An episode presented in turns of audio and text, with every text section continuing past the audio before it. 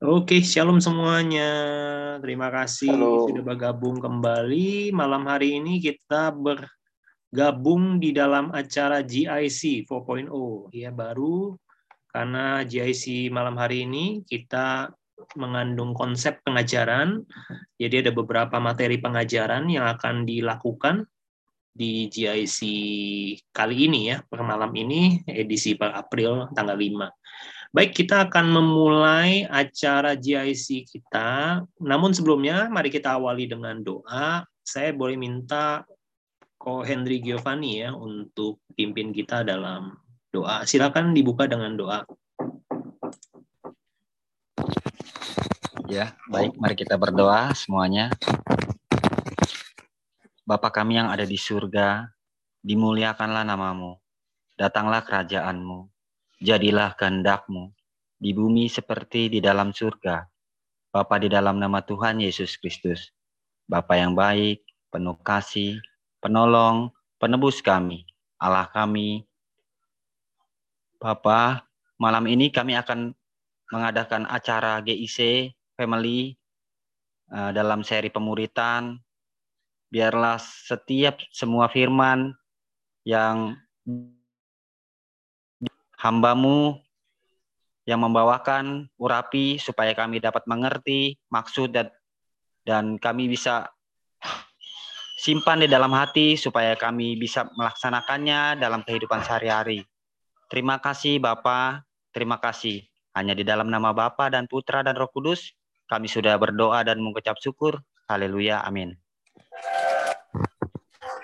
Oke, terima kasih Kohen. Kita akan mulai uh, dalam pujian dan penyembahan kita sama-sama akan memuji menyembah Tuhan. Saya akan sharekan ya.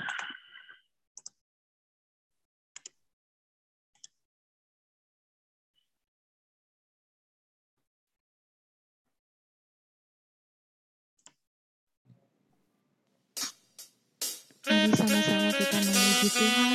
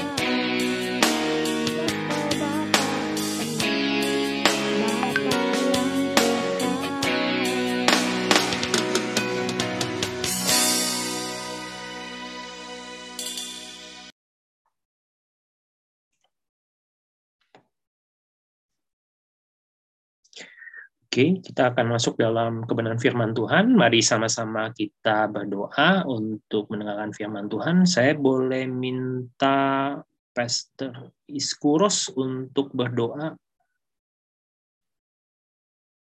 Pastor Iskuros hilang ya? Hilang. Oke, karena nggak ada mungkin bisa Pastor Daniel mungkin.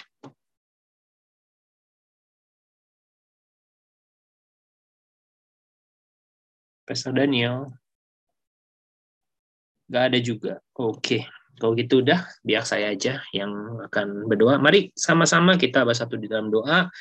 Bapak yang baik, Bapak yang penuh kasih, kami mengucap syukur malam hari ini. Kami sudah memuji menyembah Tuhan. Sebentar kami akan mendengarkan kebenaran firman-Mu. Mari Kau berkata-kata kepada setiap kami, Engkau ajar setiap kami, biar kami boleh menjadi Bukan hanya pendengar firman-Mu, tapi kami boleh melakukan kebenaran firman-Mu.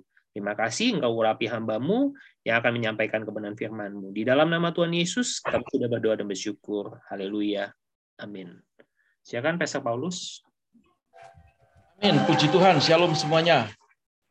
Sahabat-sahabat IHK dan jemaat IHK di mana pun Anda berada hari ini, saya sendiri yang menyampaikan sharing firman Tuhan karena kita akan memulai sebuah program yang baru. Biasanya uh, Grow in Christ itu kita mengulang pengajaran atau khotbah di hari Minggu. Tetapi mulai hari ini, tanggal 5 April tahun 2022, kita memulai program namanya GIC atau Grow in Christ 4.0 eh, ya. Artinya kita mengikuti apa yang terjadi di digital ya. Jadi eh, dengan di mana pun kita berada, tidak harus berkumpul, ya, tetapi lintas eh, tempat ya di luar pulau ataupun di Jakarta, di mana-mana kita bisa belajar bersama-sama akan kebenaran Firman Tuhan, ya. Dan materinya adalah materi-materi yang kita kembali kepada pelajaran yang dasar karena hari-hari ini kita sedang mengalami sesuatu yang eh, dunia ini berubah. Kalau kita tidak belajar sungguh-sungguh akan kebenaran firman Tuhan, maka yang terjadi kita akan banyak sekali mengalami pengajaran-pengajaran yang keluar daripada apa yang Tuhan tentukan ya. Nah, sebagai pembukaan saya hari ini meresmikan program ini dan di dalam nama Bapa dan Putra dan Roh Kudus demi nama Tuhan Yesus Kristus saya mentabiskan Grow in Christ hari ini berubah nama menjadi GIC atau GIC 4.0 ya dengan tujuan supaya kita bisa semakin bisa belajar bersama-sama walaupun di tempat yang terpisah bukan hanya pada satu lokasi ya. Nah, malam hari ini kita belajar tentang keselamatan Saudara-saudara ya. Di dalam bahasa aslinya keselamatan itu soteria, ilmunya namanya soteriologi ya. Nah, malam hari ini kita akan membahas uh, tentang why, who, now ya, what dan when. Ya, jadi supaya kita mengerti eh, kenapa kita harus diselamatkan? Ya, tidakkah keselamatan itu Tuhan sudah kerjakan lalu kita diam saja dan biarlah keselamatan itu anugerah itu walaupun kita tidak melakukan tetapi tetap kita diselamatkan apa seperti itu ya. Nah, kita langsung membahas kepada pokok, eh, pokok persoalannya, yaitu pada Roma pasal yang ketiga, ayat yang ke-23, dikatakan karena semua manusia, ya, semua manusia itu tentunya tanpa terkecuali ya, telah kehilangan kemuliaan Allah. Jadi tidak ada orang yang benar, ya, karena semua orang telah kehilangan kemuliaan Allah, ya. Lalu dikatakan bahwa kita itu sebetulnya ya adalah orang-orang yang dikasih oleh Tuhan orang-orang yang terpilih, orang-orang yang Tuhan mau kuduskan kita karena kita ini kepunyaan Tuhan ya. Walaupun dulunya Tuhan menciptakan manusia itu yaitu Adam dan Hawa di Taman Firdaus atau di Taman Eden tidak ada dosa, justru mereka menikmati anugerah Tuhan di dalam taman itu semuanya boleh dimakan kecuali ada satu yang di tengah-tengah taman tidak boleh dimakan ya. Nah, karena dia memakan lalu manusia jatuh dalam dosa. Tetapi Tuhan tidak tinggal diam, Tuhan berupaya untuk menyelamatkan manusia, ya. Nah, di dalam eh, 1 Petrus uh, maaf ya, Yohanes 3 ayat ke-36 dikatakan ya, yang akan dilahirkan dari daging adalah daging dan apa yang dilahirkan dari roh adalah roh ya. Jadi dulu memang manusia diciptakan di dalam taman Eden itu ya berupa roh ya berupa daging ya daging ya roh ya. Karena Taman Edennya kalau sampai hari ini saudara mencari Taman Edennya ada di mana, secara fisik tidak kelihatan, ya. Tapi secara spirit nanti sudah bisa belajar di Kitab Wahyu nanti suatu hari kita akan belajar bersama-sama, ya. Nah, saudara, tetapi pada waktu manusia jatuh dalam dosa, maka manusia diusir Tuhan, ya. Lalu jatuhlah ke dunia ini, mengupayakan semua yang ada di dunia ini. Kalau tidak berupaya, maka manusia tidak bisa makan, ya perempuan atau ibu-ibu yang melahirkan bahkan melahirkan dengan jerih payah ya dengan mungkin mengorbankan nyawanya ya kalau tidak ada pertolongan dari medis ya kalau dulu makanya kan sering sekali ada orang-orang atau ibu-ibu yang melahirkan itu eh, tingkat kematian itu sangat tinggi ya tapi sekarang sudah banyak medis ya sehingga itu sangat jarang terjadi ya nah alasan kenapa kita perlu diselamatkan ya karena supaya kita itu kembali lagi kepada Tuhan. Tuhan yang menciptakan kita, tentunya Tuhan punya tujuan bahwa manusia itu ya dikatakan segambar ya. Dan manusia itu diciptakan Tuhan tujuannya untuk memuliakan Tuhan. Nah, kalau manusianya jatuh dalam dosa, ya, eh, saya itu sempat mikir gini ya awalnya itu. Kalau saya yang jadi Tuhan, manusia jatuh dalam dosa, ya sudahlah. Manusianya dimatikan saja, nanti bikin manusia yang baru lagi. Ya, seperti itu ya. Tapi hukum roh itu tidak seperti itu. Hukum roh itu eh, tadi kan dikatakan ya dari da daging melahirkan daging, dari roh melahirkan roh. Jadi kalau hukum roh itu kalau ada orang yang salah itu memang ada akibat, tetapi harus ada satu penebusan ya. Nah, kenapa kita perlu diselamatkan? Karena supaya kita terhindar dari murka Allah ya. Murka Allah itu adalah neraka. Murka Allah itu Yohanes 3 ayat yang ke-6 itu tadi ya dikatakan bahwa itu kita kalau tidak menghindari seperti itu, daging kita ini tidak bisa e, membawa kita kepada keselamatan. Ya, jadi itu tujuannya Tuhan menyelamatkan manusia. Karena itu kita bersyukur, saudara-saudara, bahwa kita sudah menerima Tuhan Yesus sebagai Tuhan dan Juru Selamat. Bukan usaha kita menyelamatkan diri, tetapi upaya Allah menyelamatkan manusia. Saya percaya malam hari ini yang sudah percaya dengan Tuhan Yesus Kristus, namaku dan namamu sudah dicatat di surga yang mulia. Tepuk tangan yang paling meriah untuk Tuhan. Haleluya. Lalu W yang kedua, ya. Lalu kalau gitu siapa yang diselamatkan ya? Tentunya manusia, ya. Uh, bukan yang lain-lain karena manusia kan diciptakan Tuhan itu segambar, ya. Jadi segambar itu ya satu uh, apa ya? Satu pola gitu ya. Segambar serupa dengan Tuhan ya. Yohanes 10 ayat ke-9 dikatakan ya, e, akulah pintu barang siapa masuk melalui aku ia akan selamat dan ia akan masuk keluar dan menemukan padang rumput ayat 28 dan aku memberikan hidup yang kekal ini kuncinya kepada mereka yang eh, pasti tidak akan mengalami binasa sampai selama-lamanya dan seorang pun tidak akan merebut mereka dari tangannya Tuhan. Jadi yang diselamatkan itu manusia. Nah, keselamatan itu adalah satu kolaborasi ya, kolaborasi dari pengorbanan Tuhan merupakan cintanya Tuhan seperti ini kita sedang belajar tentang transformasi kasih ya. Jadi itu bukti bahwa Tuhan mengasihi kita. Yang diselamatkan ya kita. Karena kenapa diselamatkan? Karena kita ini biji mata Tuhan. Ya. Nah, kalau kita biji mata Tuhan, kita umat ciptaannya Tuhan, kita itu segambar serupa dengan Tuhan, ya.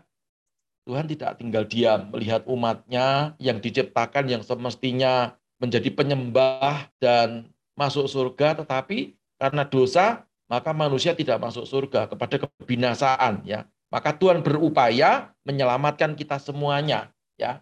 Yang percaya kepada Tuhan Yesus tentunya. Nah, kalau yang nggak percaya bagaimana? Alkitab berkata keselamatan itu hanya ada di dalam Tuhan Yesus Kristus. Jadi dikatakan ini tulisannya adalah kolaborasi dari pengorbanan Tuhan Yesus dan cinta. Ya ini butuh pengakuan ya. Iman itu harus di harus diucapkan ya pengakuan iman namanya ya.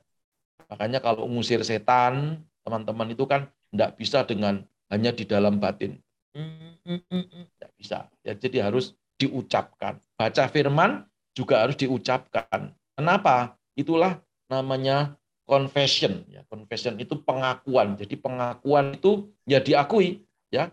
Aku percaya Tuhan Yesus adalah Tuhan dan juru selamat saya itu pengakuan ya. Karena dengan kita bicara seperti itu maka alam di kita yaitu namanya alam roh itu akan kebuka. Saya ulangi ya.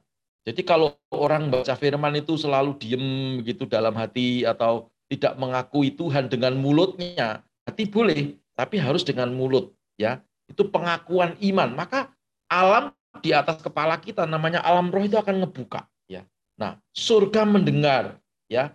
Kalau mendengar maka apa yang menjadi permohonan kita apa yang menjadi ungkapan hati kita dalam doa pujian dan penyembahan surga mendengar dan menjawab kerinduan-kerinduan kita ya jadi itu hebatnya kalau kita ada di dalam Tuhan jadi Siapa yang diselamatkan? Ya kita-kita.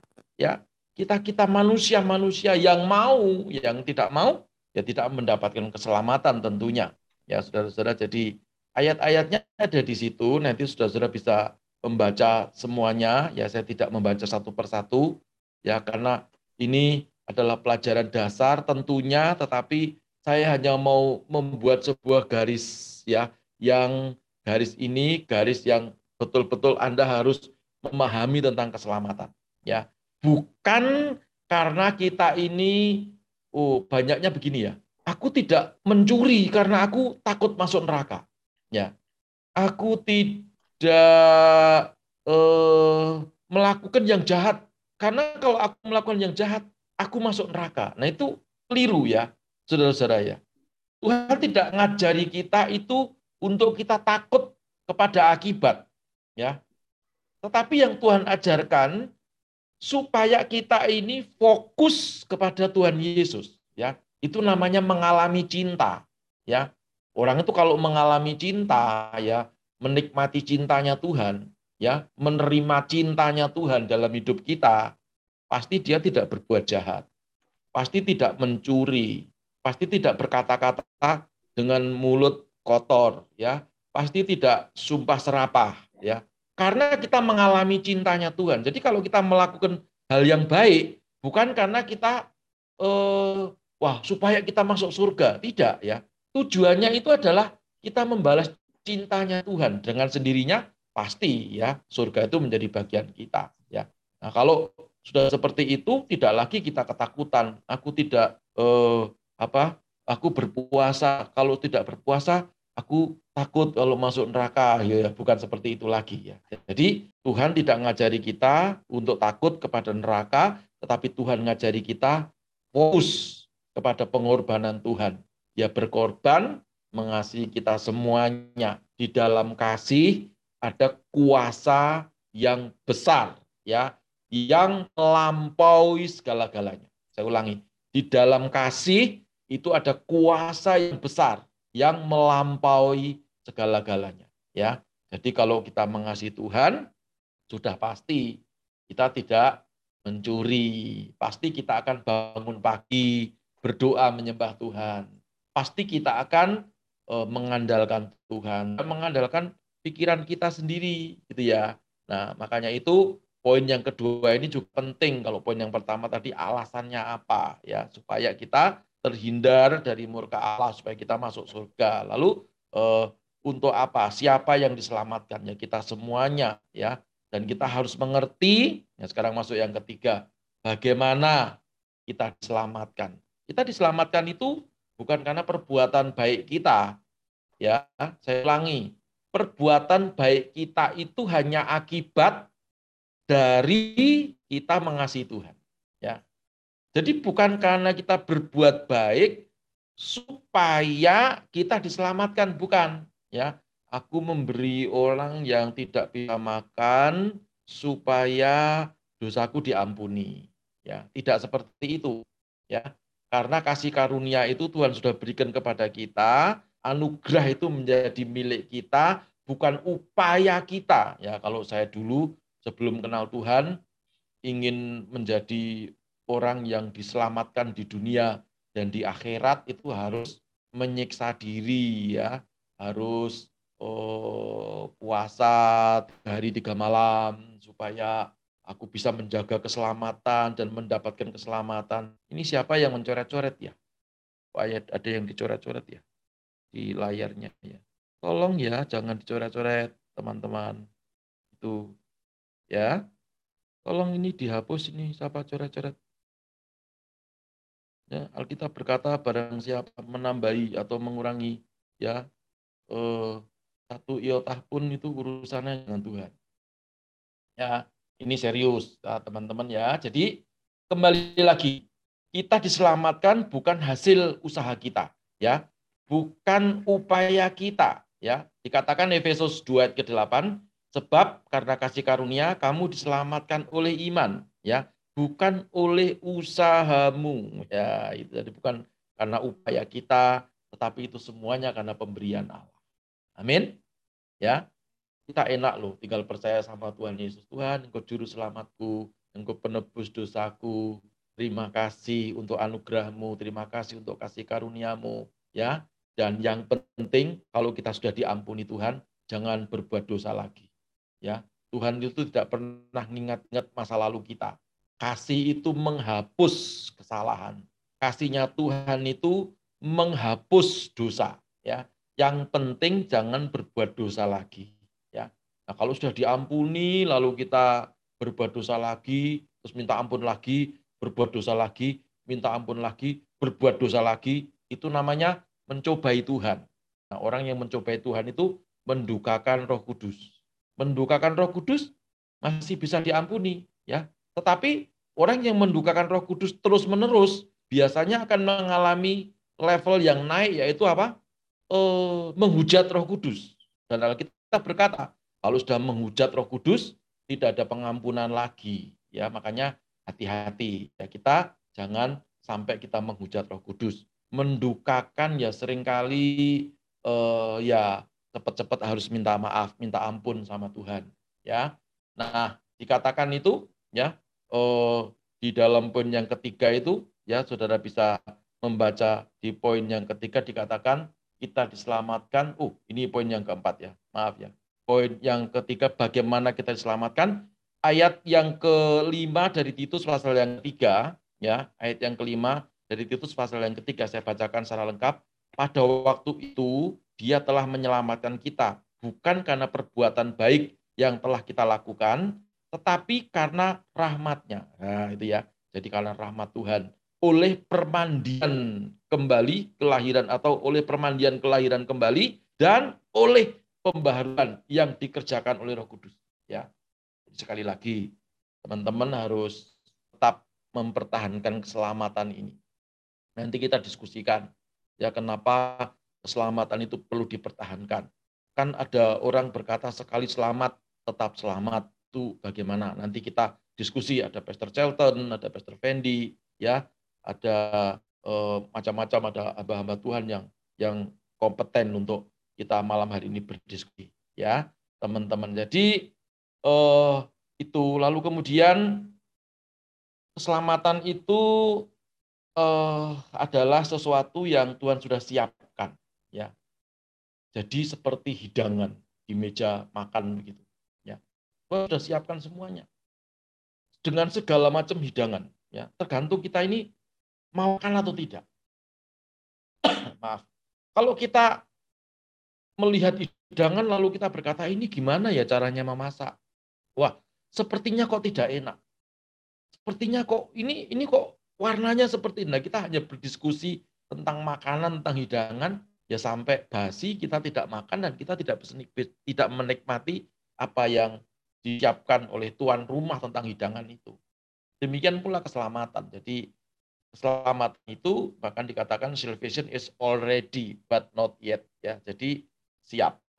Keselamatan itu seperti tiket kereta api ditulis di sini ya, yang sudah di tangan untuk mencapai tujuan, kita tetap harus naik. Ya bukan hanya melihat tiketnya saja, bukan hanya melihat makanannya saja, tapi kita harus bertindak untuk mengambil dan memakannya. Bertindak untuk naik gerbong kereta api dengan tiket kita. Enggak seperti itu. Kenapa? Karena Tuhan sudah siapkan bagi kita semua. Ya, jadi yang sudah ada di gerbong jangan keluar gerbong. Ya, karena keselamatan ini penting sekali. Ya, orang boleh hebat, tetapi kalau nggak selamat, sia-sia. Ya, orang boleh kaya, tapi kalau nggak selamat, tidak ada gunanya. Ya, yang paling hebat, ya, ya kaya, ya diberkati Tuhan, selamat di dunia, selamat masuk surga. Wah, itu hebat. Siapa mau seperti itu? Lambaikan tangan. Ah, haleluya. Saya juga mau, ya, puji Tuhan. Nah, W berikutnya, what? Kita diselamatkan dari apa? Ya, Galatia 5 ayat yang ke-19 dikatakan perbuatan daging telah nyata. Ayat sampai 21 itu, ya. Sudah tahu, itu adalah hal-hal yang bertentangan dengan uh, buah roh, ya. Perbuatan daging itu macam-macam. Apa itu? Percabulan, kecemaran, hawa nafsu, penyembahan berhala, sihir, perseteruan, perselisihan, iri hati, amarah, apalagi kepentingan diri sendiri atau egois, percederaan, roh pemecah, ya suka pecah belah, ya maksudnya bukan barang pecah belah, tetapi suka persengketaan seperti itu ya. Lalu ada ada lagi namanya kedengkian, kemabukan, pesta pora, ya. Pesta pora itu bukan pesta eh, pernikahan ya, tetapi sukanya pesta pora mabuk-mabuk ya, yang di Manado Captikus, yang di eh, Pulau Jawa itu mungkin yang bisa mabuk-mabukan, saya sudah lupa namanya semuanya, seperti itu ya. Jadi pesta pora itu bicara tentang memuaskan hawa nafsu. Jadi itu adalah hal-hal yang eh, bertentangan dengan apa yang Tuhan mau. Ya, nah kalau orang yang sudah melakukan seperti itu, ya Yakobus 5 eh, 1 ayat yang ke-15 dikatakan upah dosa itu maut ya. Jadi eh, hal-hal yang seperti itu membawa kita kepada maut. Dikatakan dalam bahasa aslinya itu tanatos, ya. Tanatos itu ya ya hal-hal yang tidak baik ya, membawa kepada eh, bukan keselamatan, tapi membawa kepada hal-hal dosa. Dan apabila keinginan itu telah dibuai, itu di Yakobus 1 ayat 15, ia melahirkan dosa. Ya, dan apabila dosa itu sudah matang, ia melahirkan maut yang melahirkan apa? Thanatos tadi. Ya. Jadi hati-hati ya kita diselamatkan eh, dari apa ya kita diselamatkan dari cintanya Tuhan ya bukan dari perbuatan baik kita kita diselamatkan dari kasih karunia Tuhan bukan usaha kita ya kita diselamatkan dari upayanya Tuhan mencari kita bukan upayanya kita mencari Tuhan nah setelah Tuhan mencari kita, Tuhan mendapatkan kita, kita percaya kepada Tuhan. Nah, kita meresponi dengan kita membalas kasihnya Tuhan. Ya, konsentrasi kepada Tuhan, tidak meninggalkan keselamatan, mengalami kasih karunia Tuhan, ya, maka hidup kita pasti berubah. Yang dulunya suka belajar mantra, tidak mau lagi. Seperti Rasul Paulus berkata, yang dulunya aku anggap sebagai satu kebanggaan ternyata itu adalah sampah kata Rasul Paulus ya jadi kita buang sampah-sampah dunia itu ya jadi kita diselamatkan itu dengan anugerah Tuhan bukan dari hasil uh, usaha upaya kita sendiri. Karena manusia tidak punya kemampuan apa-apa teman-teman. Di Tuhan. Lalu yang terakhir uh, kapan kita perlu diselamatkan? Ya kapan ya? Kapan-kapan maksudnya setiap saat. Ya setiap saat. Matius 24 ya dikatakan ayat yang ke 44 ya sebab itu hendaklah kamu juga siap sedia karena anak manusia datang oh kok ini ya oh ya anak manusia datang pada saat yang tidak kamu duga ya jadi Tuhan itu menyelamatkan kita ini tujuannya untuk apa tujuannya supaya kita kembali ke surga, masuk surga. Ya. Di dunia diberkati, mati masuk surga. Ya. Dan keselamatan tidak ada di dalam eh, di luar Tuhan. Yang ada ada di dalam Yesus Kristus Tuhan. Nah, kapan kita perlu diselamatkan? Ya, setiap saat. Karena dosa itu dikatakan selalu mengintai, ya, selalu mengintai. Selama kita masih ada di dunia ini, banyak sekali hal-hal yang membuat kita ini terintimidasi ya ada orang cerita dengan saya beberapa waktu yang lalu ya naik kereta api pulang ke Jawa ya lalu digodain gitu ya dan dirayu-rayu mau dibelikan mobil ya mau dibelikan rumah gitu ya. Padahal ini sudah berkeluarga semuanya. Ya tapi puji Tuhan dari kereta api dia telepon saya dan dia berkata bagaimana pastor? Ya saya bilang ditolak. Itu namanya dunia ingin menggodai kamu dan kalau kamu tidak tolak, ya kamu akan masuk kepada kebinasaan. Tapi kalau kamu tolak, ya maka kamu tetap mempertahankan keselamatan dari Tuhan itu. Ya, jadi itu itu e, contoh yang real ya bahwa setiap hari kita perlu diselamatkan, terutama pikiran kita ini.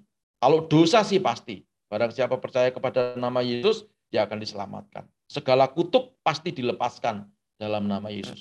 Kutuk garis keturunan, ya, kutuk sumpah serapah, kutuk kutuk anak haram, ya, kutuk eh, apa? Kutuk eh, okultisme, ya, kecuali yang memang dulu pernah belajar mantra memasukkan sesuatu dalam tubuhnya itu perlu dilepaskan, perlu orang lain karena pada waktu memasukkan barang-barang seperti itu, benda-benda gaib seperti itu, ya, itu juga ada saksinya, maka dikeluarkan hal-hal seperti itu dari tubuh seseorang itu juga harus ada saksinya. Ya, Alkitab berkata satu dua orang saksi di hadapan Tuhan itu sah. Ya, jadi pertanyaannya kapan perlu diselamatkan? Setiap hari. Ya, kalau dosa itu sudah pasti dosa yang membawa kebinasaan. Tetapi diselamatkan dari intimidasi itu setiap hari. Nah, kalau kita sudah diselamatkan Tuhan dari intimidasi roh jahat, intimidasi dunia, kesulitan ekonomi itu bisa mengintimidasi kita loh. Ya, persoalan dalam keluarga itu bisa mengintimidasi kita. Bisa membuat orang e, mau bunuh diri, bisa membuat orang hancur, tidak memiliki masa depan. Seperti itu ya. Jadi keselamatan itu pada intinya Tuhan berikan kepada kita. Kalau kita tetap percaya kepada nama Yesus sebagai Tuhan dan Juru Selamat kita, yang penting kita tidak keluar daripada kasih karunia, yakin dan percaya saudara di dunia ini diselamatkan dan mati masuk surga dalam nama Yesus. Amin. Itu yang bisa saya sampaikan sebagai pembukaan di dalam uh, GIC 4.0 ya. Saya tidak membaca ayatnya satu persatu ya, saya hanya membahas secara garis besar supaya teman-teman paham bahwa begitu pentingnya keselamatan itu. Tuhan tidak hanya menyelamatkan kita itu kalau mati masuk surga, selesai. Bukan hanya itu, ya. Di dunia ini kita juga diselamatkan. Miskin itu bukan rencananya Tuhan. Sakit-sakitan itu bukan rencananya Tuhan. Hidup dalam ketertekan itu bukan rencananya Tuhan. Kita membutuhkan keselamatan itu, ya.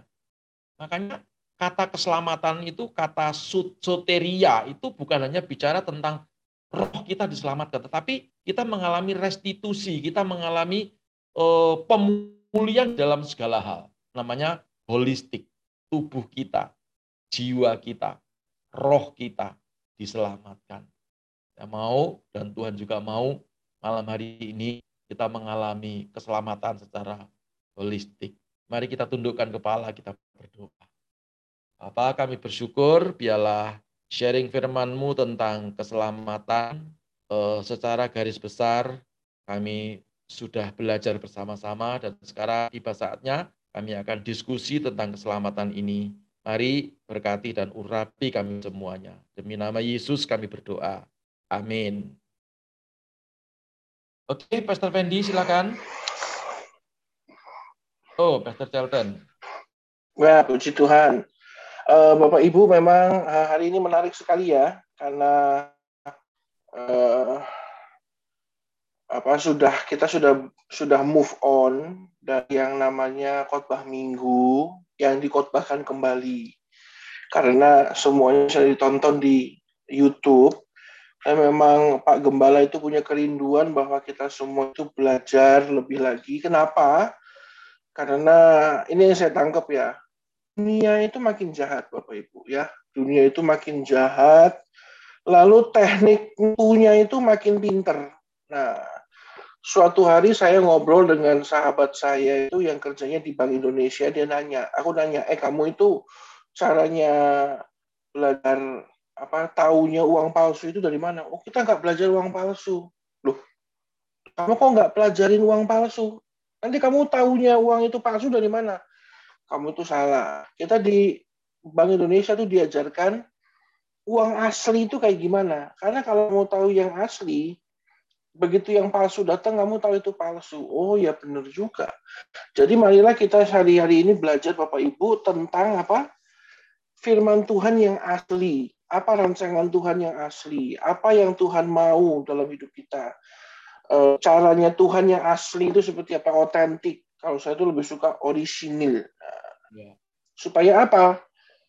Kalau ada teknik-teknik yang jahat dari iblis kita tahu. Nah, Bapak hari kita belajar tentang soteriologi ya. Dan di di layar saya ini saya ada beberapa orang yang asing ya buat saya asing.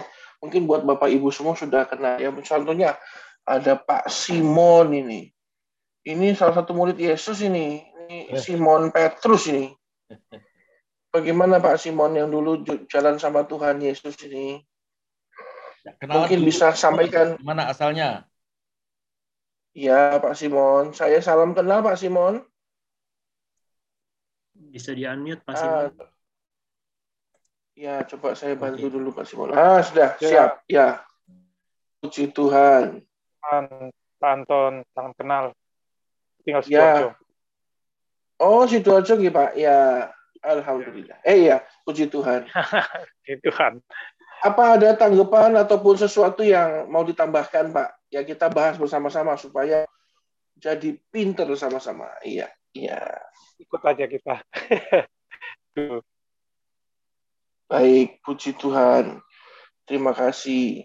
Uh, bagaimana mungkin ini ada apa sahabat IHK uh, Pak David Ari, puji Tuhan. Shalom, Pastor. Pastor David, ya ini dia. Mungkin bisa bergabung. Pastor David, apakah sedang sibuk atau bagaimana? Mungkin karena sinyal, Pak. Ah, kan hujan lebat. Oke, okay. bisa juga dengan mungkin dengan Pastor Villa dulu. Ya, ah, semoga di Bogor nggak hujan ini. Antara pas Pastor David atau Pastor apa namanya Villa Alase. Uh, Oke, okay. sama juga mungkin kena hujan. Oke, okay. oke. Okay. Mungkin dari ada Ibu Tutpuri, ada Ibu Nelly, ada from Indonesian Watch ya. Oh, Indonesian Indonesia World. Ada yang baru-baru siapa ini? Oke, mungkin ya Bu Snovianti ya, coba Bu Sri itu kita pindah ke apa madam-madam dulu, madam-madam. Atau ini pada nggak ngerti, pada nggak ngerti mungkin Pak Pak Paulus bisa ulang lagi dari awal Pak. Biasanya masih diulang, ada siaran ulang ini. Oh, Bu Sri juga belum. Mungkin ya sepertinya memang hari ini warga warga Jakarta mengalami hujan ya. Oke, Tuturi Handayani ini siapa nih? Aduh, temennya Ingarso Sungtulodo sama Ingarso Mangunkarno iki. Aduh. Oke, Bu Iva, Bu Iva udah sembuh. Aduh, antena saya kurang kenceng ini. Ah, Bu Iva, ya, aduh, rambutnya sudah tertata rapi, berarti sudah sembuh. Ya. Ya, tepuk tangan buat Bu Iva sudah sembuh. Nah, rambutnya sudah kilau kemilang sunslick. Ya. Tuhan, Pak. Nyimak dulu, Pak. Nah, hari nyimak dulu ya, Bu. Oke, kalau ada pertanyaan Baik, saya nyimak. disampaikan nanti akan Baik. dijawab oleh Pak Sufendi. Baik, baik. Sufendi S3 dari London. Pak Santo? Pak Santo, apa masih Ya, Beijing apa di mana? Mana? Ah, ini dia Pak, Pak Santo. Bagaimana Pak Santo? Hari ini kita belajarnya model baru nih. Nah, kita lebih kayak nah, tuntutan tentang keselamatan. tentang keselamatan ya Pak.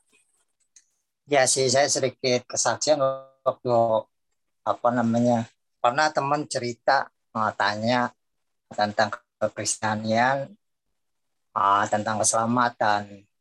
Saya pernah bercerita dengan tentang teman saya bahwa kalau kita itu keselamatan dulu dari kasih karunia Tuhan saya bilang. Baru kita berbuat baik. Bukan me- mencari berbuat baik dulu baru mendapatkan keselamatan. Nah, saya sedikit ini Pak eh, tentang keselamatan ada pertanyaan aja sih. Suara saya kedengeran ya Pak Celton? Kedengeran, kedengeran Pak. Saya deg-degan ini.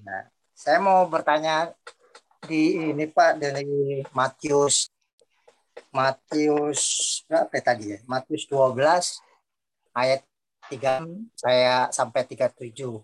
Saya bacakan ya Pak ya. Oke Pak.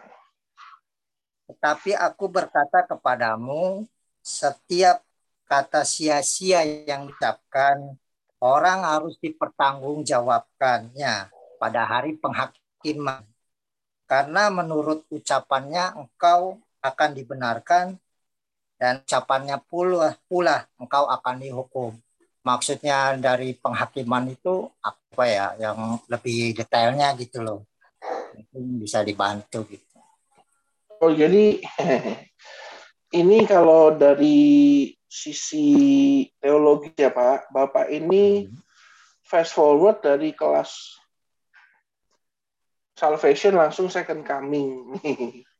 Oh, jadi di dalam time, jadi gini, manusia itu hidup itu dalam satu runtutan waktu yang Tuhan tetapkan. Nah, eh, di dalam runtutan waktu itu makanya kita mengenal namanya Tuhanlah Alfa dan Omega. Dia awal dan akhir. Nah, di tengah-tengah dari awal akhir itu ada kita manusia ciptakan. Nah, kita itu juga hidup berdasarkan satu timeline.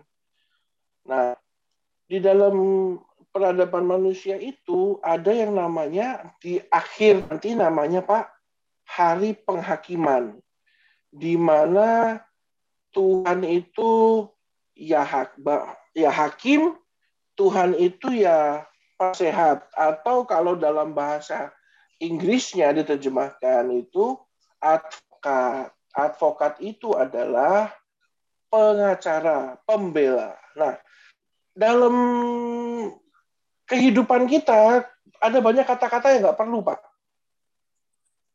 Nah, padahal menurut kitab Yakobus, lidah katanya akan mampu menyelamatkanmu, tapi juga mampu menghancur, menghancurkanmu. Nggak mungkin dari satu sumber eh, engkau mengat, engkau memuji Allah, tapi dengan dengan lidah yang sama juga engkau mengutuki Allahmu.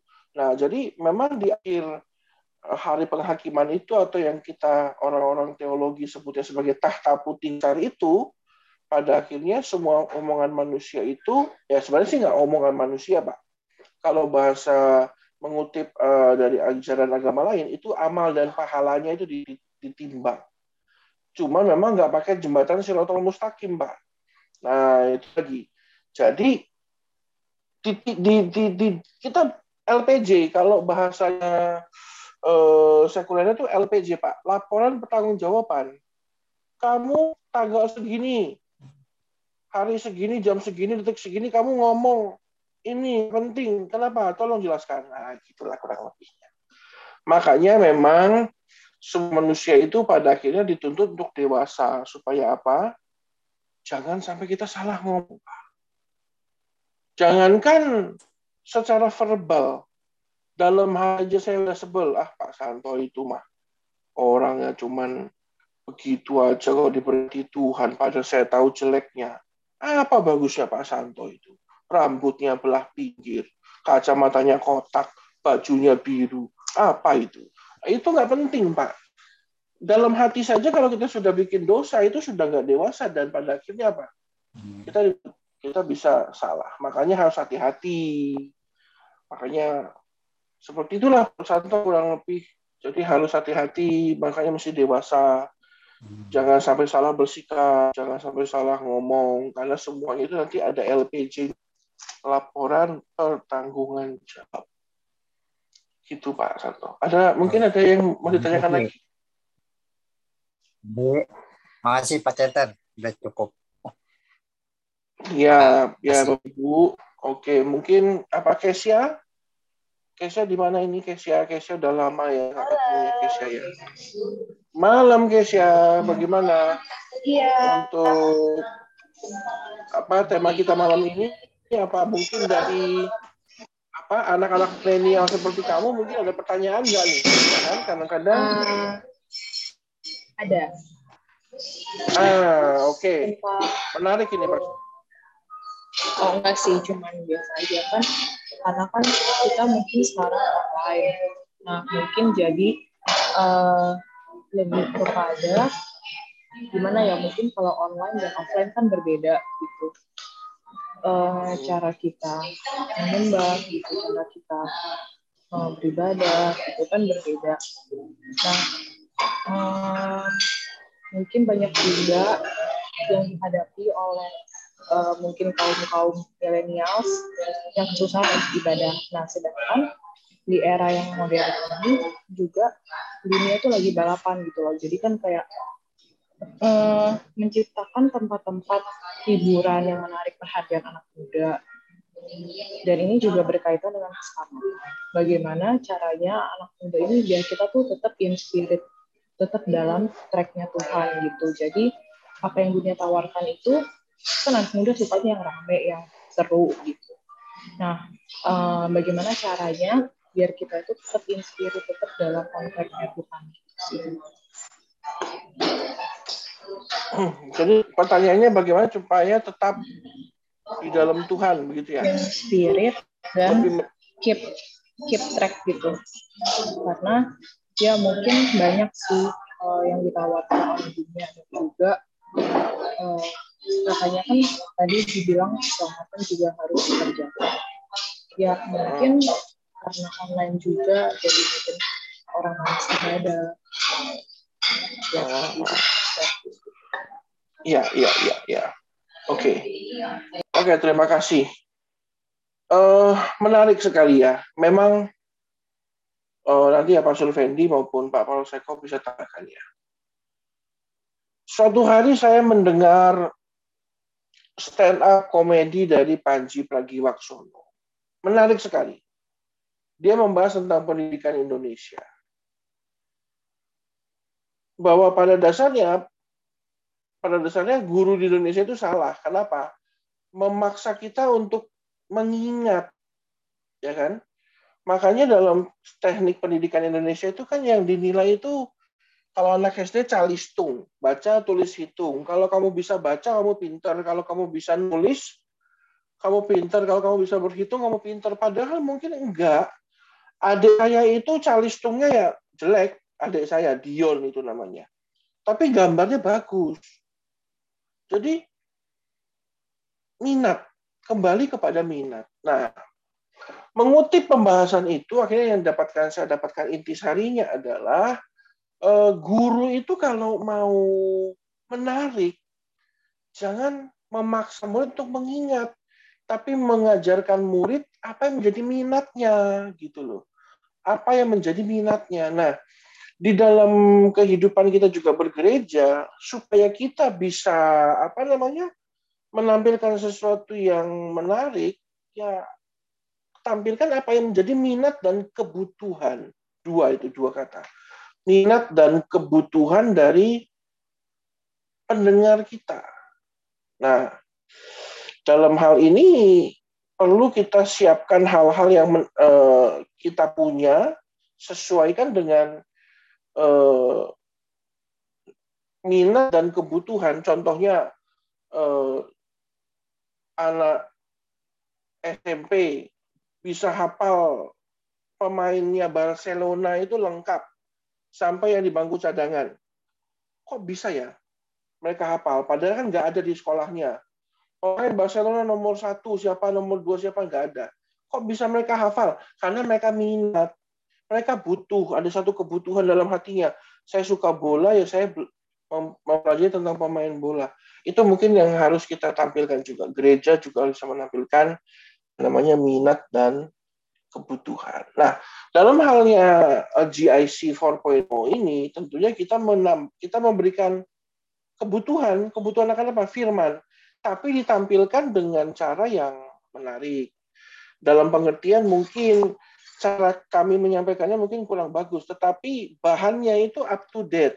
Nah, pada akhirnya nanti eh, pengunjung-pengunjung yang datang ke sini adalah orang-orang yang mau mendengarkan sesuatu yang ditawarkan. Contohnya, kalau saya itu kemarin itu makan di Senayan City, makan ramen saya makan saya datang ke tempat ramen itu ya karena saya mau makan ramen gitu.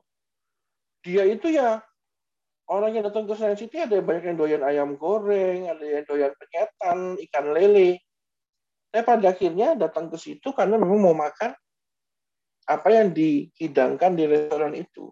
Eh, gereja juga akan menampilkan kebenaran dengan caranya yang terbaik sehingga pada akhirnya memenuhi minat dan kebutuhan. Nah, semoga setiap gereja bisa juga seperti itu. Ya mungkin juga Kesia kan juga ya seorang worship leader dan juga seorang guru sekolah minggu dalam hal mengajar kepada anak-anak sekolah minggu tampilkan apa yang menjadi kebutuhan dan minat dari anak-anak itu. Semoga saya menjawab ya. Karena sering kali itu saya jawab sendiri bingung sendiri. Mungkin Profesor Fendi bisa bantu supaya saya nggak bingung. Bagaimana Kesia? Ya. Waduh, Kesianya. Halo. Ya Kesia. Hmm? Gimana? Baik-baik saja. Semoga jawaban saya cukup memberikan pengertian. Ya. Kalau bingung ya ampuni saya. Thank you, Pastor. Ya, kembali ke minat dan kebutuhan ya. Jadi Bapak Ibu semua eh, semoga ya apa gereja Tuhan IHK ini bisa selalu memenuhi apa yang menjadi minat dan kebutuhan kita. Pastor Rudi, ini saya ini kesayangan saya ini, Pastor Rudi Wawa. Ya, shalom Halo. Pastor. Shalom, shalom. Ya, Pastor. Mungkin bisa berikan sedikit insight atau sebuah pemahaman baru buat kami atau apa begitu. Ya, saya skip dulu, Pastor. Menyimak hal yang penting yang dari disampaikan oleh hambanya. Oke, baik. Nanti berikutnya Pak Surudi Wawa akan memberikan kuliah umum ya. Pak Niki. Pak Niki ini kayak orang Jep- Jepang ini, ada leodanya. Shalom. Oh, kok jadi brewok? belum, Iya, iya, iya. belum cukur, belum beli cukurannya. Awas, nah. awas, itu masih pakai golok kayaknya itu Waduh, udah enggak juga lah. Jatuh. Ya. Pasti bagaimana Pak Niki? Hmm, misalnya sih ada mau sedikit sharing ya, dan ini saya juga ada mau minta didoain juga. Eh, entah kenapa gitu, bukan suatu kebetulan ya. Mungkin ini eh, Tuhan punya rencana. eh, temanya itu pas banget dengan yang saya alami dua minggu ini. Itu intimidasi, keselamatan, dosa, dan dunia ya. Itu. Jadi iya. saya eh, rohani saya lagi ceritanya lagi lowbat. Dan dua minggu ini saya kan nggak ke gereja. Dan se- dari minggu kemarin sampai minggu ini kan saya kan keluar kota kan ke Surabaya. Eh, jadi saya apa namanya eh, banyak serangan-serangan intimidasi dan banyak banyak ada ada apa namanya ada gesekan-gesekan juga sama istri saya gitu cuman nggak terlalu ini tapi intinya itu eh, saya berasa gitu eh, saya ini eh, agak jauh sama Tuhan dan saya berasa banget eh, intim apa namanya intimidasi intimidasi di pikiran saya itu pekat banget gitu Pak Charlton. Hmm, hmm, dan iya. dan hari ini saya melakukan sebuah dosa. Jadi tadi eh, ini sedikit sharing cerita. Saya tadi habis dari Bogor pulang kan hujan gede sore pas di tol bandara itu saya lagi bawa mobil denger lagu lagi denger lagu-lagu pujian dan itu saya lagi tenang gitu loh. Hati saya lagi tenang dan lagi apa namanya uh, praise and worship gitu kan. Tiba-tiba uh, ada mobil nyelip saya hampir saya nabrak gitu rem mendadak. Dan uh, secara spontan itu saya berkata kasar gitu. Itu Pak Jarton jadi uh, terus uh, sempat dendam gitu. Maksudnya hati saya panas gitu. Pengen saya kejar saya balik salib gitu kan. So, cuman tak langsung uh, Roh Kudus kayaknya uh, kasih tahu saya jangan gitu. Jangan maksudnya jangan jangan dikejar. Udah tenang tenang. Jadi saya tenang tenang. Terus uh, apa namanya doa gitu di dalam hati. Terus menyebut dalam nama Tuhan Yesus tenangkan hati saya tenangkan pikiran saya gitu. Itu Pak Catur. Dan saya uh, apa namanya uh, ngerasa gitu oh, kok intimidasinya semakin semakin pekat banget gitu loh di diri saya. Soalnya saya lagi pujian loh lagi bawa mobil puji-pujian tiba-tiba mobil salib itu kan wah luar biasa sekali gitu. Langsung berkata kasar keluar.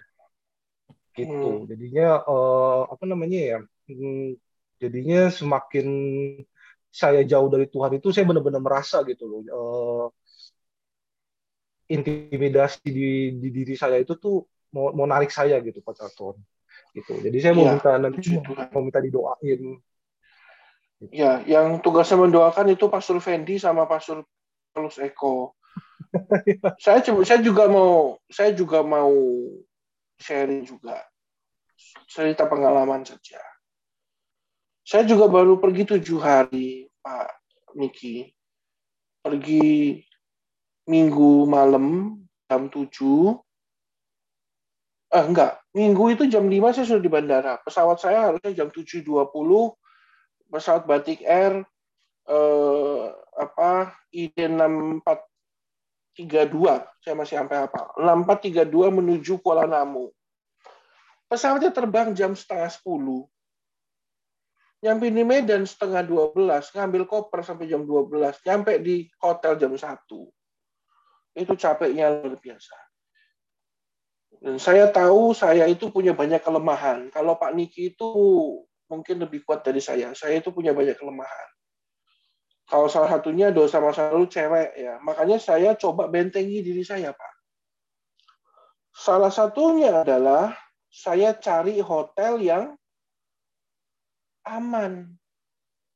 Posisinya, lalu saya cari profilnya, jalannya daerah mana, terus uh, saya juga cari hotel yang uh, dalam pengertiannya itu tidak memberikan celah untuk hal-hal seperti itu terjadi. Akhirnya saya dapatkan hotel yang memang uh, agamis ya, jadi sangat sangat-sangat sehat lah, nggak ada nggak ada celah untuk apa cewek menjajakan dirinya dan lain sebagainya. Lalu juga akhirnya saya pergi juga dengan teman-teman pelayanan yang berju, ber, ber, ber, ber, apa, berada di satu hotel yang sama.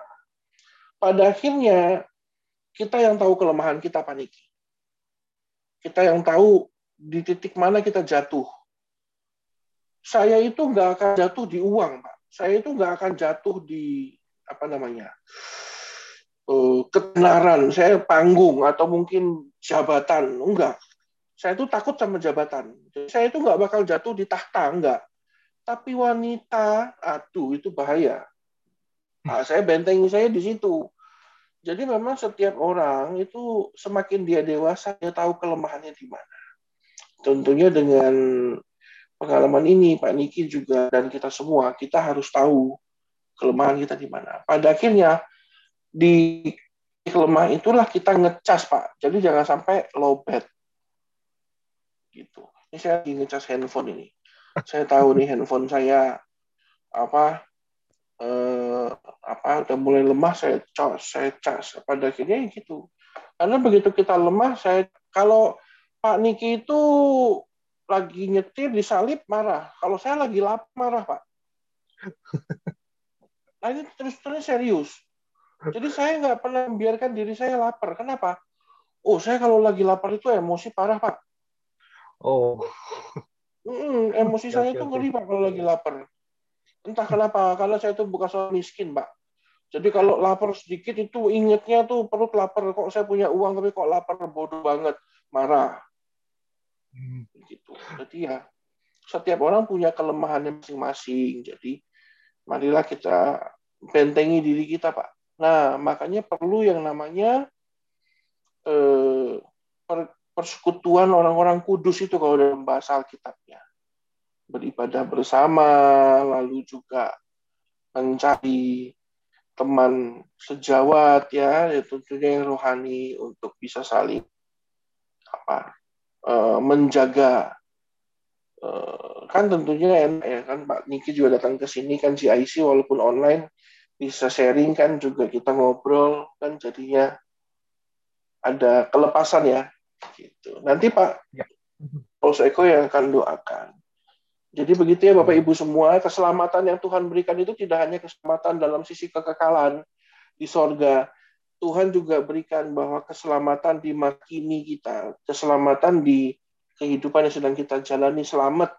Jadi nggak berantem sama orang, nggak berantem sama istri, nggak menyakiti hati kita sendiri, nggak melukai hati orang. Itu namanya keselamatan juga. Ya, um, puji Tuhan. Puji Tuhan Pak Diki, pengalaman yang bagus. Terima kasih buat kesaksiannya. Ya, sama-sama Pak Next time will be better Pak. Kalau saya selalu gitu. Next time I will be better. Next time I will be better. Nah, nanti Pak Polseko punya tugas doakan Pak. Didoakan sekarang saja, ayo. Nanti lupa. Oke, okay, ayo, ayo. Nanti Pak kita doa buat Pak Niki. Teman-teman juga mungkin ada yang se rupa soalnya ya intimidasi itu memang nggak gampang tetapi ketika kita terus ingat ya roh kudus dalam hidup kita beri kesempatan dia untuk membimbing kita pasti kita akan lepas daripada intimidasi itu mari kita berdoa Tuhan Yesus kami berdoa buat Pak Niki Leoda terima kasih untuk pengakuannya Tuhan mengakui uh, Tuhan menghargai orang yang jujur kami doa supaya apa yang menjadi kelemahannya Tuhan ubah kelemahan ini dan Tuhan singkirkan menjadi satu kekuatan yaitu tetap percaya kepada Tuhan, tetap bisa menguasai diri karena itu bagian daripada apa yang Tuhan rindukan kami sebagai anak-anaknya Tuhan, yaitu memiliki buah roh. Terima kasih Bapak, kami bersyukur. Berkati usahanya, berkati keluarganya, berkati masa depannya. Apa yang dikerjakan, Tuhan Yesus buat berhasil dan beruntung.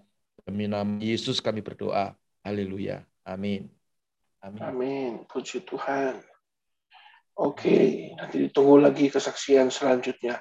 Oh, ini ada juga di layar saya from Indonesia Watch. Uh, ini kayaknya dari acara TV nih.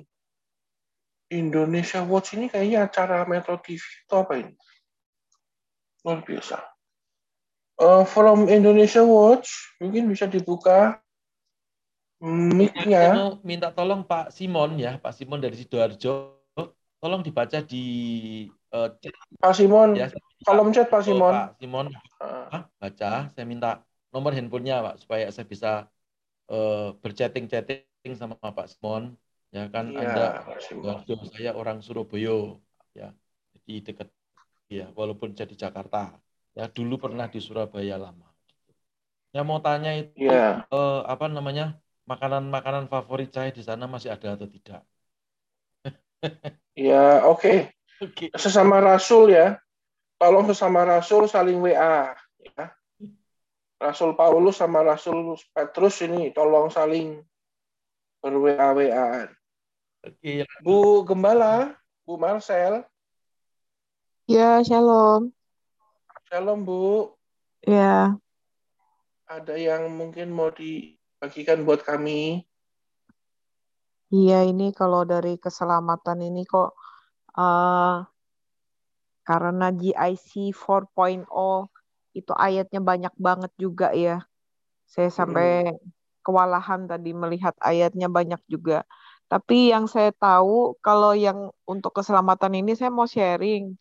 Saya banyak banget pertama kali ingat ya diselamatkan dari eh, dulunya saya Katolik, sebetulnya saya pun sudah selamat, hanya saya belum dilepaskan, merasa saya masih ada ikatan-ikatan, terutama ikatan dari eh, tradisi-tradisi dari eh, agamawi ya, seperti juga misalnya itu pada saat yang paling dekat dah perayaan Cengbeng gitu kan, masih mengikuti eh, ikatan-ikatan seperti itu ya leluhur-leluhur dan juga turunan ya itu secara adat istiadat dan sebagainya.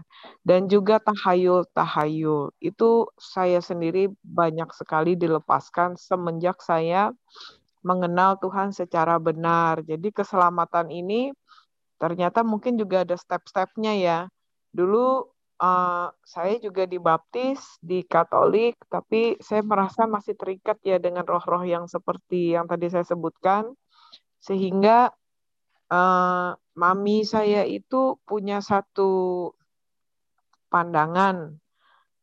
Semenjak saya berumah tangga itu 26 tahun, Pak. Baru tahun ke-26 mami saya itu bisa menerima bahwa menanam cabai di rumah itu diperbolehkan. Zaman dulu saya itu ketawa, Pak. Ketawanya kenapa? Karena mami saya belum bertobat kan, belum lama bertobat. Tiap kali suami saya itu nanam cabai, sama mami saya itu dikasih minyak tanah supaya cabenya mati. Takut gila. sekali gitu loh menanam Lagi cabai menanam apa itu tadi? itu. Cabai. Iya, cabai, Pak. Heeh, katanya panas ya kan? Panas, rumahnya nanti bisa ribut gitu Terus kan. cabai saya mati terus, Pak. Aduh, baru tahu saya. Tapi sekarang nanam cabai, cabainya lebat sekali. Mami saya udah nggak komen. Jadi rupanya mami saya juga sudah dilepaskan sama roh-roh tahayul itu. Sama roh Roh-roh cabai. apa? Iya, roh cabenya itu udah lepas berarti. Jadi saya melihat keselamatan ini bukan sesuatu yang uh, ruwet. Kan sudah terlepas dari hal-hal yang kecil itu pun merasa benar-benar sudah diselamatkan gitu loh. Nggak enak loh banyak ikatan ya.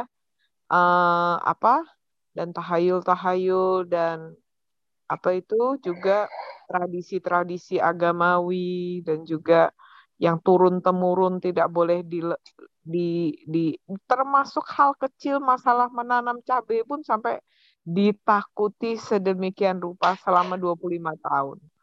Jadi ini luar biasa saya teringat gitu loh. Itu aja sih sharing saya Pak Jaratan. Jadi Ya, penting Bu. sekali Tim- secara spiritual dan juga uh, secara roh dan juga di luar dan juga di dalam gitu. Ketenangan batin gitu. Penting Ya. itu, Pak. Percaya secara penuh. Saya putus-putus ini sepertinya. Itu Pak Charlton.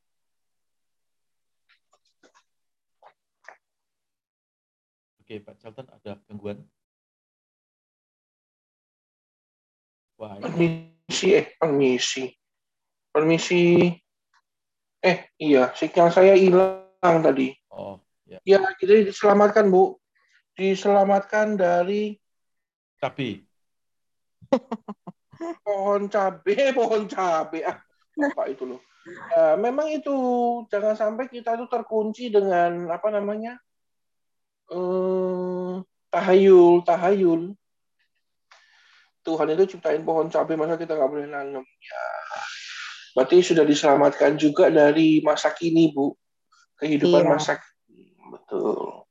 yang Puji yang Tuhan ya, pernah mera- yang pernah merasakan apa yang saya bicarakan ini pasti mengerti bagaimana beratnya terikat dengan hal-hal yang tadi saya sebutkan ya tahayul tahayul begini begitu nggak boleh ini nggak boleh itu semua itu kan juga ya termasuk ada unsur-unsur mistis dan sebagainya itu ditanamkan kita dari kecil jadi Betul. susah sekali merubah pandangan yang seperti itu. Jadi keselamatan ini diselamatkan dari apa itu dari tahayul aja udah bebasnya dan damainya luar biasa. Apalagi kalau kita bisa menerima keselamatan secara utuh gitu sih Pak. Mm-mm. Dulu saya malah mecahin vas bunga. Mecahinnya maghrib. Terus saya sapu, nggak boleh. Kok nggak boleh? Karena kalau ma- sapu maghrib itu menghalangi setan keluar rumah. Loh, setan setan mau keluar rumah ya saya keluar keluar aja pak urusannya saya nyapu. Ya kalau nyapu nggak boleh maghrib maghrib apa urusannya. Jadi ya sekarang sudah percaya Tuhan dan semuanya sudah melayani Tuhan. Terserah lah setan mau keluar kayak mau masuk kayak yang penting saya nyapu nyapu aja. Bodoh amat ya Bapak Ibu ya. Ya terima kasih Bu Marcel. Memang kita juga banyak kelegaan yang Tuhan berikan, terutama ya salah satunya dari tahayul. Eh, ini from Indonesia Watch masih belum menjawab. Bu Sri Novianti? Bu Sri? Belum juga. Tuturi Handayani? Ini kayak logo SD ya. Pak Dedi, nah ini dia. Pak Dedi itu saya lihat di apa namanya di statusnya nih terjadi ini ya apa kesuksesan luar biasa ya. Saya juga cukup senang Pak Dedi. Oke, masih belum aktif juga Pak Dedi. Mungkin kembali ke ah, Pak Daniel Fernando, Bandung.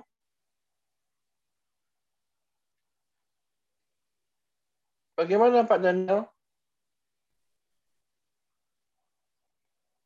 Cuma lambang ada helm. Ya. Kepalanya selamat. Ah, Pak Tukul. Ini pasti sinyalnya jelek semua. Apa ini? Pak Tukul. Santoso.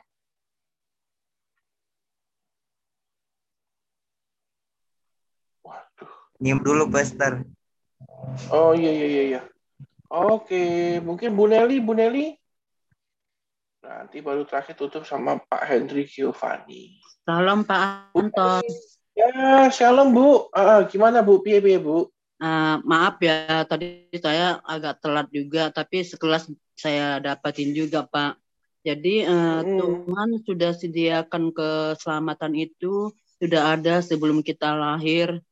Eh, dalam hidup kita itu eh, kita di, sudah diselamatkan, tapi bagi kita yang percaya kepada Tuhan, Nah, jadi kasih karunia itu memang ada kalau kita mempunyai iman. Jadi kita diselamatkan dan kita uh, menyembah dan memuliakan Tuhan. Jadi uh, kalau menurut saya kalau kita dia kita diselamatkan itu uh, ketika kita untuk uh, ketika kita mencari Tuhan dan berseru kepada Tuhan untuk datang berdoa kepada Tuhan. Jadi keselamatan itu ada sama kita ketika kita masih dalam kandungan ibu kita gitu Pak. Terima kasih. Ya, sudah diberikan Tuhan Bu. Jadi nggak usah khawatir kan Bu. Kita belum lahir udah disiapkan. Itu kan ngelebihin berkat. Ya. Juga buat Ibu Nelly yang saya nggak tahu apakah sudah dipulihkan itu suaminya, tapi ya Nah, keselamatan Tuhan berikannya. itu Pak, itu yang saya masih pergumulan saya supaya suami saya itu diselamatkan dari kuasa gelap gitu Pak. Tapi sampai saat Oke. ini belum terjawab Pak. Oke, tapi begini Bu. Ini sebenarnya saya mau bahas dengan Ibu sudah cukup lama. Jangan sampai kepergian suamimu mengundurkan engkau dari imanmu, Bu. Amin. Itu yang paling penting. Iya Pak. Kenapa?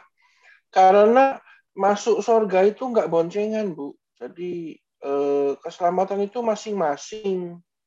Jadi ya Bu Nelly doakan, tapi kalaupun sampai terakhir nggak pulang, Bu, yaitu eh, resikonya suami ibu, ya. Yang penting ibu memastikan bahwa ibu selamat masuk surga. Anak-anakmu selamat masuk surga. Itu saja, Bu. Karena masuk surga tuh nggak karena saya sahabatnya Pastor Fendi, lalu waktu saya mau masuk surga itu Tuhan bilang nggak boleh, Pastor Fendi bilang nggak apa-apa Tuhan itu sahabat saya. Oh ya, oh ya, ah, maaf maaf, Pastor sahabatnya Pastor Fendi, ya silakan silakan masuk. Lagi ada promo beli satu gratis satu, emangnya sendal. Enggak ya, jadi keselamatan itu masing-masing. Eh, Semoga ibu dan keluarga yang lain masih tetap mampu menjaga kualitas iman dan hati tetap eh, cinta sama Tuhan. Karena Tuhan itu juga cemburu. Kalau ibu terlalu cinta sama suami sampai ibu melupakan kasihnya Tuhan, Tuhan cemburu juga, Bu. Nanti dia ngambek, pusing. Saya ngambek aja istri saya udah pusing, apalagi kalau Tuhan ngambek. Kalau si Santi pusing, eh, si Santi ngambek, Pak Fendi pusing. Apalagi Tuhan ngambek. Waduh, hmm, hmm, serem, serem, serem. Kalau Bu Marcel ngambek, pohon cabenya Pak Paulus Eko dipotongin semua. Pak Paulus Eko yang pusing. Nah, jadi semua ada pusingnya. Gitu. Jadi saya mau Pak- bertanya, ah, Pak. dan- Ah, Bu, monggo Bu. Eh, itu maksudnya satu orang bertobat akan semua diselamatkan. Misalnya eh, saya kan eh, sebagai ibu itu kan penolong buat suami mau buat anak. Nah, ketika saya bertobat eh, itu maksudnya suami saya juga ikut diselamatkan apa gimana Pak? Enggak. Suami ibu memiliki kesempatan untuk mendengarkan berita keselamatan. Jadi bukan berarti seisi rumah akan diselamatkan. Oh ya, eh, Sekinah glory atau awan kemuliaan itu akan datang ke rumah ibu, terbang, kucut, kucut, kucut, ya kan? Hadirat Allah akan hadir di rumahmu, bu. Jadi kesempatan untuk berita keselamatan itu nyampe di kupingnya itu akan ada, bu. Tapi tetap kembali kepada keputusan yang diambil oleh suamimu. Ah, begitu kan? Jadi eh, jangan lupa keselamatan itu harusnya diinfluence. Makanya kita itu influencer. Kalau penyakit itu namanya influenza. Jadi semuanya itu tuh tertular. Nah, waktu ibu diselamatkan, tet- tentu suamimu ketularan. Jadi bingung kok istriku kok jadi baik ya. Sejak kenal Tuhan kok jadi lebih ramah ya. Saya juga mau ikut Tuhannya. Jadi Tuhannya ibu, jadi Tuhannya suamimu. Ah, kurang lebih begitu. Kenapa? Influence, terinfluence. Kalau saya jalan terus dengan Cisanti dan Pastor Fendi, mungkin saya kurus. Kenapa? Terinfluence. Setiap hari diomongin, kamu gendut, ikut saya da, apa aerobik. Nah, mungkin Cisanti gitu. Lihat Pastor Fendi kurus, saya lihatin. Terus Pastor Fendi makannya cuma nasinya separuh, saya malu jadinya separuh juga. Saya jadi kurus juga. Itu namanya influence. Nah, jadi begitu Bu. Jadi waktu satu rumah satu, satu orang diselamatkan, seisi rumah diselamatkan, maksudnya ada kehadirat Tuhan di rumah itu karena ibu. Sama seperti waktu itu eh, tabut perjanjian itu eh, karena nggak bisa dibawa pulang ke Yerusalem, ditaruh di rumahnya Obed Edom, Bu. Orang yang jelas-jelas itu bukan orang orang percaya Tuhan, tapi karena ada ada tabut perjanjian di situ. Hadirat Allah turun di rumah itu, Bu, memberkati seisi rumah. Nah, jadi gitu. Jadi ada kes, ada kesempatan untuk mendengarkan berita keselamatan. In, ada kesempatan untuk terinfeksi COVID lah gitu kurang lebihnya. Terinfeksi virus-virus Alkitab. Gitu ya Bu ya. Ya Pak. Semoga saya men menjelaskan. Saya tambahkan, Pastor. Uh, uh, supaya ini ini penting ya karena ini uh, pertanyaannya Bu Nelly ini bagus ya. Jadi uh, di dalam bahasa aslinya itu keluarga itu, itu kan namanya kan gu oikos ya. Jadi kata keselamatan itu bukan berarti tiba-tiba masuk surga semua, tetapi akan mendapatkan dampak dari kekudusan itu seperti lampu di dalam uh, ruangan ya.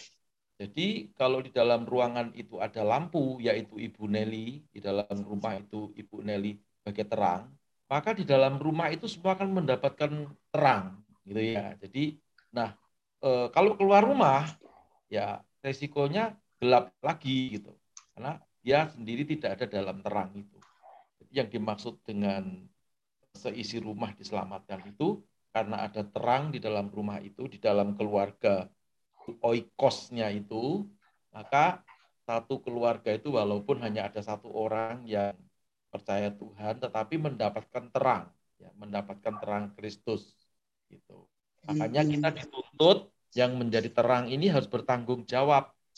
Jangan menjadi terang, tapi terangnya ya mati hidup, mati hidup, mati hidup ya. Nanti yang diterangi sakit kepala malah ya. Oh, maksudnya begini perbuatan kita lalu tutur kata kita. Tadi kalau ada Pak Niki eh, apa eh, apa bertobat ya dari perkataan-perkataan tadi ya. Mungkin perkataan kita gitu ya. Kita harus menjadi terang.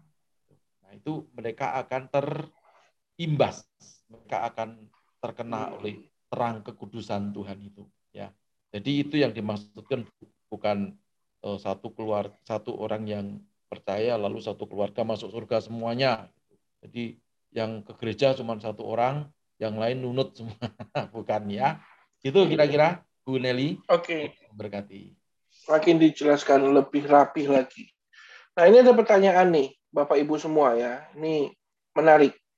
Apakah hanya dengan menerima keselamatan tanpa melakukan apa pun bisa dapat hidup kekal?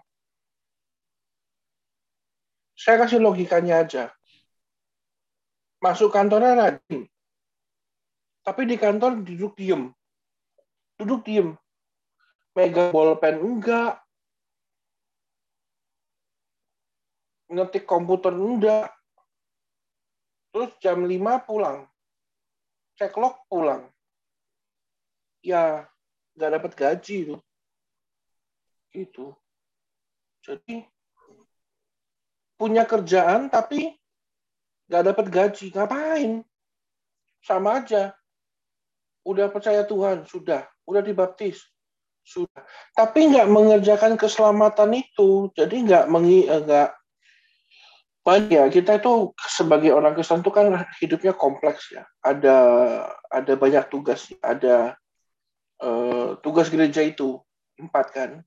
Didaskalia, koinonia, diakonia, sama marturia. Satu, di Daskalia, nggak belajar firman, nggak merenungkan firman Tuhan siang dan malam. Lalu koinonia, nggak bersekutu dengan teman-teman uh, sesama orang kudus. Lalu nggak diakonia, nggak berbagi kasih ya. Uh, Tuhan bilang, ke manakah kamu waktu aku kedinginan, kamu nggak kasih baju. Waktu aku lapar, kamu nggak kasih makan. Lalu yang terakhir, marturia, nggak memberitakan keselamatan. Ya nggak bisa, Pak. Itu ya, ya Bu ya, Bapak Ibu ya. Jadi jadi orang percaya itu kalau selamat itu harus mengerjakan sesuatu. Supaya apa? Makanya firman Tuhan bilang, supaya besar upahmu di surga nanti. Ya. Tuhan sudah siapkan lima mahkota. Ya kalau si Iva itu kan rambutnya udah bagus. Lebih bagus lagi dikasih mahkota itu, ya kan? Jadi ada lima mahkotanya, mahkota kehidupan, mahkota kebenaran. Nanti pada akhirnya GIC 4.0 ini akan belajar mahkota juga. Mahkota kekekalan ya, pokoknya ada mahkota. Nah, kita masih kejar di sana kejar upah.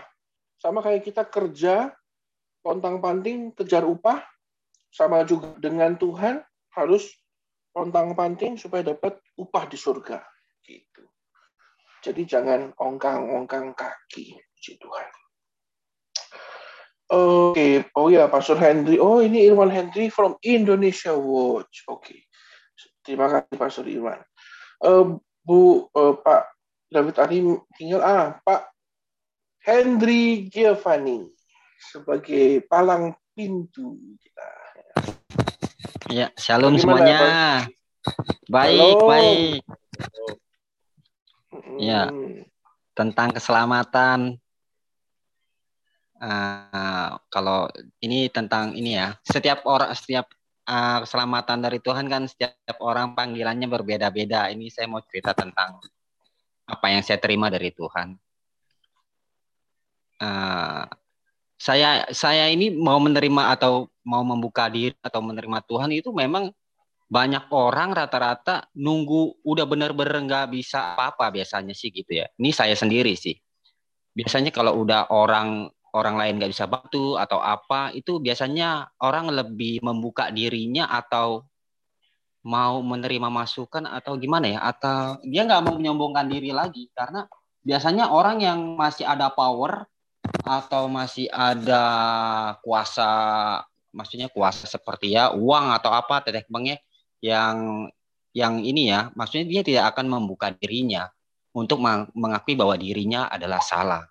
Ini yang saya ini ya, ini yang saya maksudnya ini keselamatan yang saya terima. Contohnya seperti uh, pergumulan saya yang saya udah ceritain juga di GIC atau di semua teman-teman HK pasti tahu yang tidak terlihat itu kan bingung secara medis nggak bisa jelasin secara ditanya orang juga nggak ngerti. Jadi panggilan Tuhan kadang-kadang juga uh, kita nggak, saya nggak tahu. Tapi panggilan Tuhan itu niatnya baik kok. Karena justru dari pang, uh, apa uh, pergumulan saya yang tidak terlihat ini, saya jadi sekarang paham maksudnya Tuhan itu kenapa saya harus begini, kenapa, kenapa. Jadi saya paham. Uh, kayak contohnya ini tentang hal hal-hal yang sedikit ini ya. Keselamatan yang saya percaya keselamatan saya juga di surga saya diterima tapi di dunia juga saya sedang jalani. Karena kan setiap dosa itu kan pasti ada akibat. Uh, ada sebabnya pasti ada akibatnya. Ya nggak bisa main tinggal hilang begitu aja nggak bisa. Justru Tuhan kalau kita percaya sama Tuhan Yesus atau percaya sama Tuhan kita berserah kita akan dituntun olehnya untuk menyelesaikan masalah-masalah yang ini ya walau saya percaya kok. Saya juga dituntun. Saya percaya ini loh karena saya ngerasa sendiri. Ini kayaknya bukan saya loh. Saya nggak mau kayak gini. Tapi Tuhan itu kayak tuntun seperti tadi apa uh, Koniki ya yang cerita bahwa ada omongan dari Roh Kudus jangan jangan. Memang saya juga baru paham sekarang ternyata ada hal yang seperti itu loh. Yang dulu saya nggak tahu. Dulu waktu saya belum uh, belum maksudnya belum apa ya belum mengakui bahwa Tuhan Yesus adalah Tuhan itu nggak ada kayak suara apa maksudnya pengertian-pengertian kayak gitu kayak contohnya nih abis mu, apa uh, mau marah orang itu kayak ada sesuatu di sini tuh kayak jangan. Kayak ada kayak ada sesuatu yang yang baru lah menurut saya. Karena kan saya juga kan baru baru dorong 2021 ini saya dekat sama dan dibimbing sama gereja IAK dan tentang hal yang uh, mungkin itu ya Ibu Nelly bilang yang tadi ya tentang keselamatan yang apa itu. Saya juga uh, punya persepsi yang sama awalnya. Ya, ini kan tentu karena saya Kristen tapi kan istri dan itu kan juga belum masih Buddha. Itu saya juga punya pemikiran seperti itu. Tapi saya jadi paham sekarang tugasnya kita ini jangan ngambil tugasnya Tuhan. Eh, kadang-kadang uh, ngambil tugasnya Tuhan kita maunya suami kita mau seperti kita nggak bisa karena kan itu, uh, Tuhan itu kasih kebebasan buat kita, eh, buat setiap orang atau buat siapa pun boleh bebas. Tugas kita adalah menabur yang menabur yang baik-baik aja biar dia tahu nanti tugasnya Tuhan yang menuai. Contohnya seperti saya sekarang ini bukan hasil dari kebaikan saya, justru hasil dari taburan orang sebelumnya saya ini akhirnya dituai Tuhan. Jadi saya berpikirnya sekarang saya nggak mau ambil haknya Tuhan, tugas saya menabur. Kayak contohnya Pak Paulus bilang, apa lampu kita sebagai terang itu kasih kasih pengerti eh, baratnya hidup dengan caranya Tuhan, bimbingan Tuhan, nanti juga mereka akan melihat sendiri kok ada perubahan ya, oh ada perubahan ya. Nah nanti biasa Tuhan juga pastilah saya percaya kok tuh bahwa Tuhan Tuhan Yesus itu Tuhan yang hidup dan dia mengasihi semua manusia. Karena kan ada firman-Nya juga kan bahwa karena begitu besar kasih Allah akan dunia ini maka dia mengaruniakan anaknya yang tunggal artinya dia lebih meng, kita ini jangan berpikir kita mengasihi suami kita atau istri kita. Dia lebih mengasihi suami atau istri kita. Kita ini manusia berdosa juga. Pasti ada kelemahan dan kekurangannya. Jadi serahin aja sama Tuhan. Kalau saya saya bersyukur sih saya diselamatkan. Saya bisa dikasih pengertian terlalu banyak. Cuman saya apa pengertian Tuhan terlalu luas saya masih kurang. Jadi hanya se, se, segitu aja yang bisa saya jelaskan. Mohon maaf kalau salah-salah. Terima kasih ya puji Tuhan semua orang punya prosesnya beda-beda ya Pak Henry ya jadi bersyukurlah untuk setiap proses yang Tuhan izinkan terjadi dalam hidup kita puji Tuhan. Kalau dan nggak bisa ditiru itu. Jadi apa yang terjadi di Pak Henry nggak bisa saya tiru terjadi di hidup saya tidak bisa. Uh, terakhir mungkin Pak Yusuf bisa Kodedi mungkin bisa bergabung. Kodedi. Oke baik. Uh, saya akan kembali ke Pak Paulus Eko. Bu Nelly minta didoakan untuk suaminya dilepaskan dari kuasa gelap dan juga anak-anaknya ditolong Tuhan. Dan saya juga nanti silahkan ke apa uh, Pastor Fendi. Semoga kita kembali lagi minggu depan belajar hal-hal yang baru kembali. Tuhan memberkati kita semua. Kita berdoa buat Ibu Nelly ya. Mari Ibu Nelly kita berdoa. Uh, doa orang benar apabila yakin didoakan sangat besar kuasanya kata Alkitab. Kita berdoa.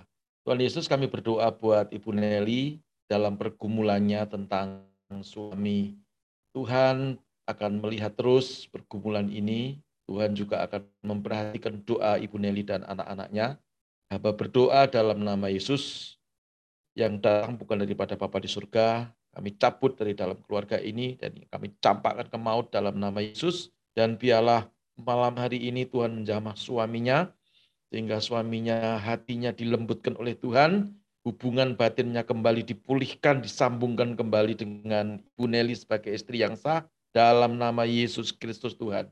Segala mantra dipatahkan, segala guna-guna dihancurkan dalam nama Yesus. Tidak ada yang mustahil, Tuhan sedang mengerjakannya. Suatu hari indah pada waktunya. Terima kasih Bapak di surga. Demi nama Yesus kami berdoa. Haleluya. Amin.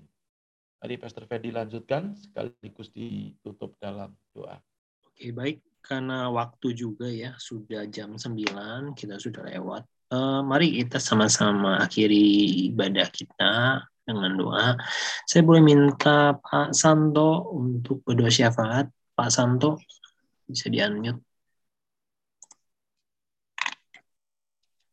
Ya. Oke, silakan Pak Santo. Mari kita bersatu dalam doa. Bapak terima kasih buat harimu yang hari ini kita kembali berkumpul dalam CSC Orphan dan kami tahu Tuhan kami semudah di semua diselamatkan oleh Engkau dan kami telah terima dari keselamatan daripada Engkau ya Tuhan. Bahkan kami pun akan melakukannya Tuhan perbuatan-perbuatan yang baik Tuhan keselamatan itu bukan hanya yang kami terima sekali, tetapi keselamatan itu tiap hari kami Tuhan diselamatkan. Dan kami percaya Tuhan dengan roh kudus, dengan kuatnya itu melalui um, roh kudus ini Tuhan, kami tahu kekurangan kami, kami dikuatkan, dan kami pun pasti masuk surga.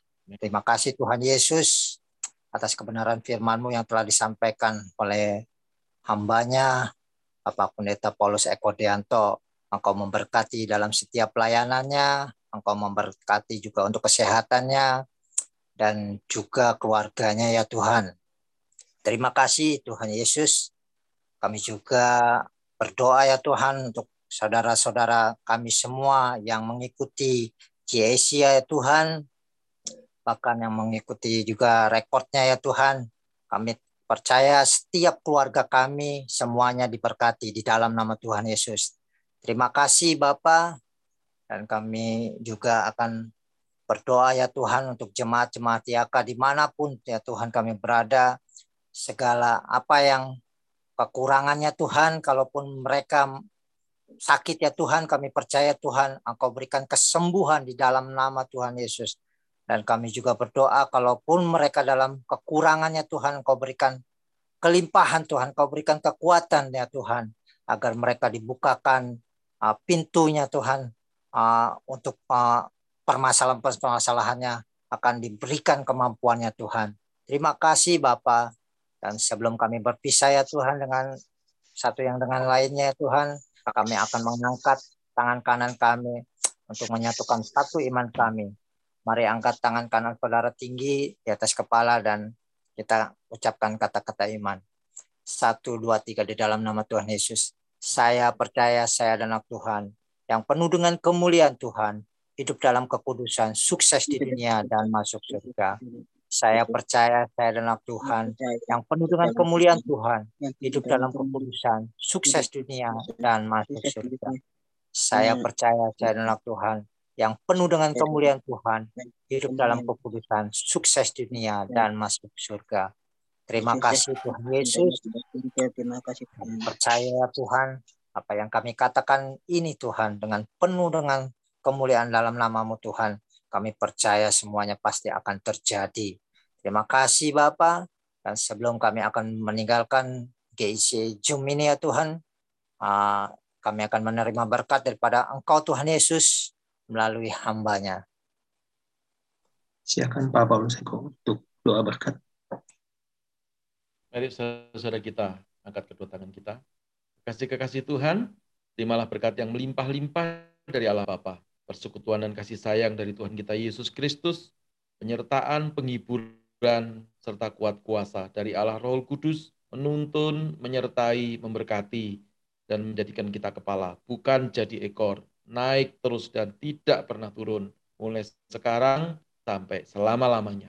Dalam nama Tuhan Yesus Kristus. Haleluya. Sama-sama berkata. Amin. Terima kasih Pak. Tuhan Paulus. Yesus berkati Bu Nelly. Terima kasih semuanya. Terima kasih Pak Paulus. Terima kasih. Minta nomor teleponnya Pak Simon. Ya, nanti saya kirim Pak Paulus. Siap. Oke. Terima kasih. Terima Berkati semuanya. Berkati. Oke, Tuhan Yesus berkati. Sampai jumpa minggu depan. Bless ya.